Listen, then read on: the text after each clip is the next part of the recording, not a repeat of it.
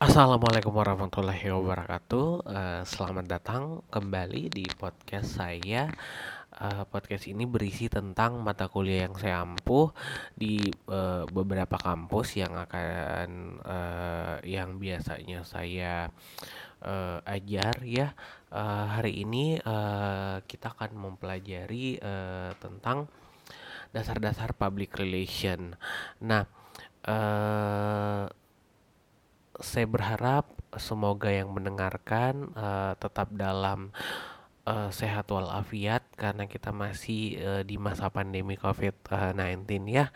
Um, uh, untuk pertama sebelum masuk ke uh, mata kuliah uh, sebenarnya uh, nanti ada pengantar untuk kontrak perkuliahan apa saja yang akan uh, kita bahas selama uh, satu semester itu nanti uh, itu mungkin akan dibahas atau telah dibahas pada saat Anda sebelum mendengarkan uh, podcast ini atau nanti setelah mendengarkan podcast ini. Nah, sebelum masuk ke materi ya uh, materi inti tentang dasar-dasar public relation ada baiknya kita diantar dulu nih dengan bagaimana sih sejarah dari public relation itu sendiri ya. Nah, uh, ternyata uh, di belahan dunia ada berbagai macam fenomena ya, ada berbagai macam peristiwa, peristiwa-peristiwa yang kemudian melatar belakangi kegiatan public relation, sebagaimana uh, uh, yang kita ketahui bersama, uh, yang pertama itu uh, kita bisa lihat uh, suatu penyambutan ya uh, di zaman Nabi zaman Nabi Sulaiman itu ada upaya penyambutan Ratu Balkis oleh Nabi Sulaiman dengan rangkaian upacara yang sangat meriah. Nah, Hal tersebut bertujuan untuk menghormati kedatangan tamu yang dianggap istimewa. Adapun tujuan kedatangan Ratu Balkis tersebut itu untuk membicarakan kegiatan ekonomi dan perdagangan. Nah, selanjutnya uh, ada kegiatan penyambutan Mark Antony di tepi Sungai Nil yang dilakukan oleh Cleopatra dengan keindahannya sebagai seorang ratu. Kemudian dilukiskan oleh Glenn Griswold dan Danny Griswold dalam bukunya Your Public Relation. Nah, pada buku tersebut dideskripsikan upaya kedua belah pihak untuk memulai mengadakan hubungan baik yang sifatnya menyenangkan dan menguntungkan masing-masing pihak. Yang selanjutnya itu ada kegiatan ekonomi nih pada zaman Gilda di Eropa. Nah, Gilda ini adalah organisasi yang anggotanya terdiri dari orang-orang yang memiliki mata pencaharian yang sama. Mereka mengadakan suatu perserikatan dalam bidang perniagaan sejenis. Adapun tujuannya itu adalah membatasi persaingan dari dalam dan menolak persaingan di luar.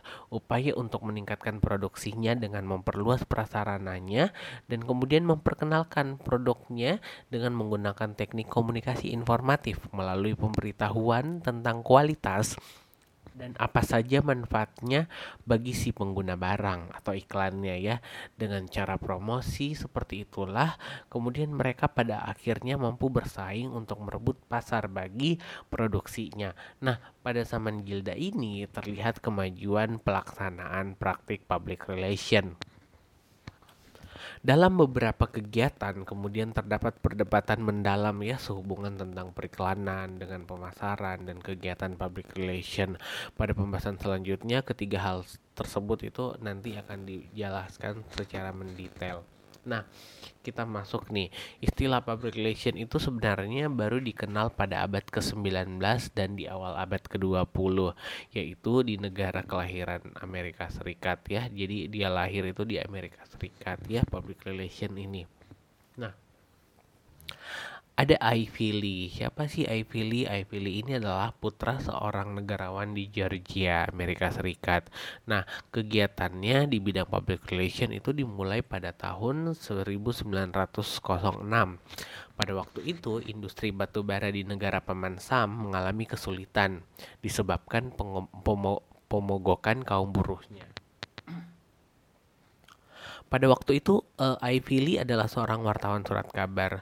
Nah, timbulnya pemogokan para pekerja yang mengancam kelumpuhan industri batu bara menyebabkan munculnya gagasan atau ide di pada benak Ivy Lee untuk menengahi menengahi dengan bagi keuntungan nih antara kedua belah pihak. kedua pihaknya yaitu industriawan dan kemudian para pekerja. Nah, kemudian Lee mengajukan gagasan kepada pimpinan industri batu bara dengan persyaratan sebagai berikut. Yang pertama, ia harus diberi kedudukan dalam manajemen puncak atau top management. Dan yang kedua, ia diberi wewenang penuh untuk menyebarkan semua informasi faktual yang patut diketahui rakyat. Nah, persyaratan yang diajukannya pada waktu itu tuh cenderung revolusioner ya, karena pada saat itu orang yang bergerak dalam bidang komunikasi informasi itu tidak berada pada struktur pimpinan puncak atau top management. Nah, pemikiran Ivy Lee dalam melakukan pekerjaannya sebagai seorang PR ya dinamakannya sebagai Declaration of Principle atau deklarasi asas-asas yang pada hakikatnya keberadaan publik tidak bisa dianggap enteng oleh manajemen industri dan dianggap tidak bisa apa-apa oleh pers. Proses inilah yang menyebabkan banyak orang mengakui Ivy Lee sebagai bapak public relation, sebagai uh, jadi Ivy Lee sebagai perintis, kemudian pelaksana dan kemudian pembina ya. Ia pula di, dikenal sebagai orang yang pertama yang menggunakan istilah publicity atau publisitas dan kemudian advertising atau periklanan sebagai kegiatan dalam ruang lingkup humas dan pencetus sekaligus membangun keberadaan atau citra public relation yang diakui oleh masyarakat. Nah, kita masuk di Indonesia ya. Di Indonesia istilah public relation dikenal dengan hubungan masyarakat atau komunikasi perusahaan. Nah public relation adalah disiplin ilmu yang relatif baru yang ditandai dengan perdebatan tentang definisinya. Untuk beberapa disiplin ilmu itu sangat mudah nih didefinisikan seperti sejarah mungkin misalnya ya atau matematika ya. Adapun beberapa konsep public relation dapat ditinjau dari beberapa ahli yang mengemukakan definisi tersebut secara terperinci sebagaimana akan dikemukakan pada pembahasan nanti berikutnya ya. Nah, namun pada saat ini ketika kita misalnya membicarakan public relation di depan seseorang atau instansi-instansi pemerintah, perusahaan-perusahaan swasta, badan atau organisasi, baik ya, baik organisasi yang besar maupun yang kecil, itu selalu terdapat dinas khusus yang mengurus public relation. Walaupun fungsi dan posisinya tampak masih dalam taraf yang belum memuaskan, keadaan ini kemudian dikarenakan karena peranan dan kedudukan public relation memang masih belum diterapkan sebagaimana meskinya bahkan masih dianggap sebagai pemborosan, bukan sebagai badan yang seharusnya mendatangkan keuntungan. Oleh sebab itu, untuk mencari pengertian sebenarnya dari public relation itu sangat sulit ya.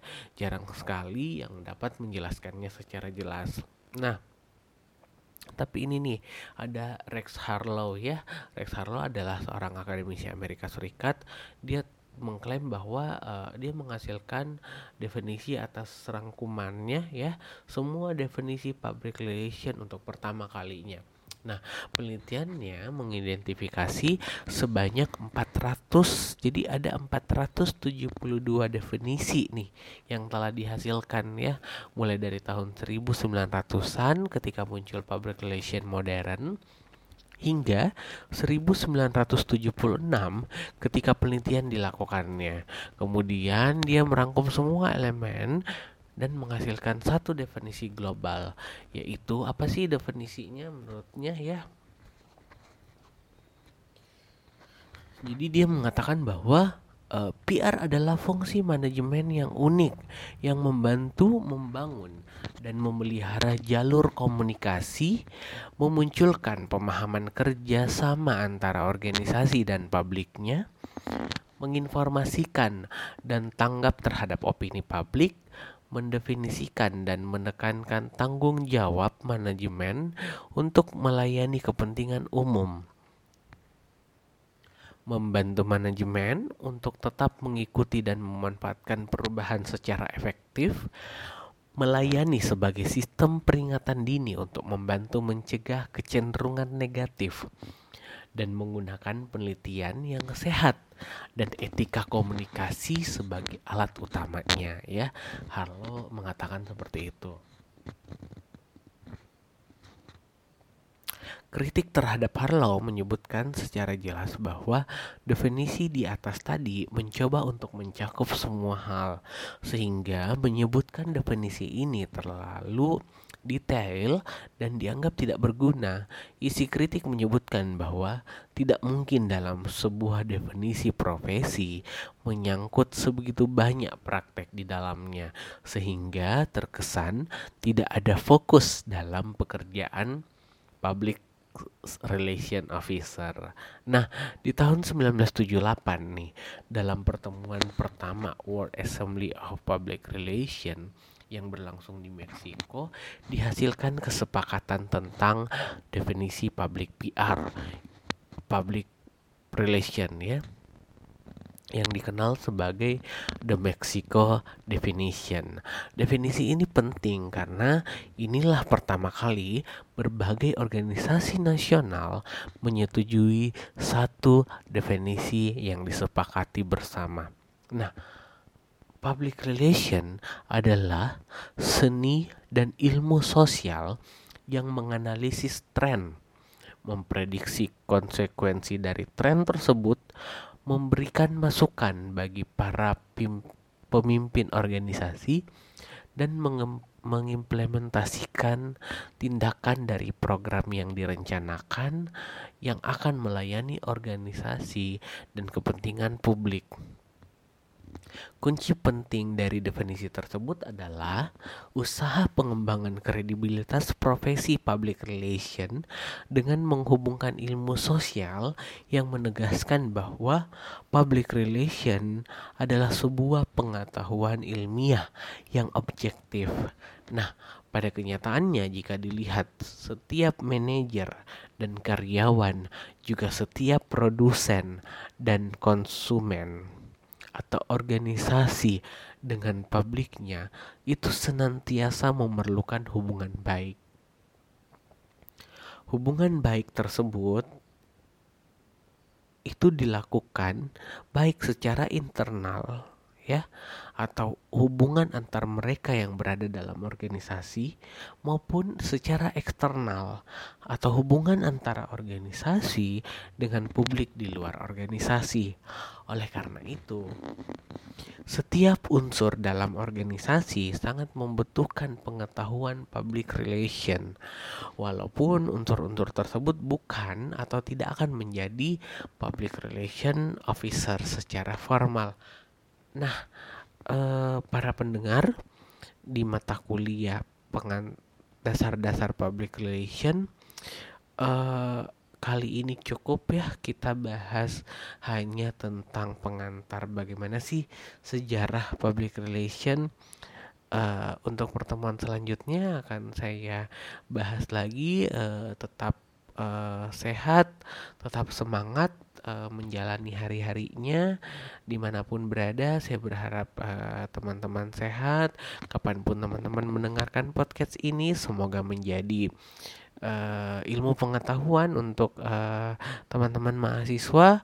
Uh, terima kasih. Sampai jumpa di podcast selanjutnya.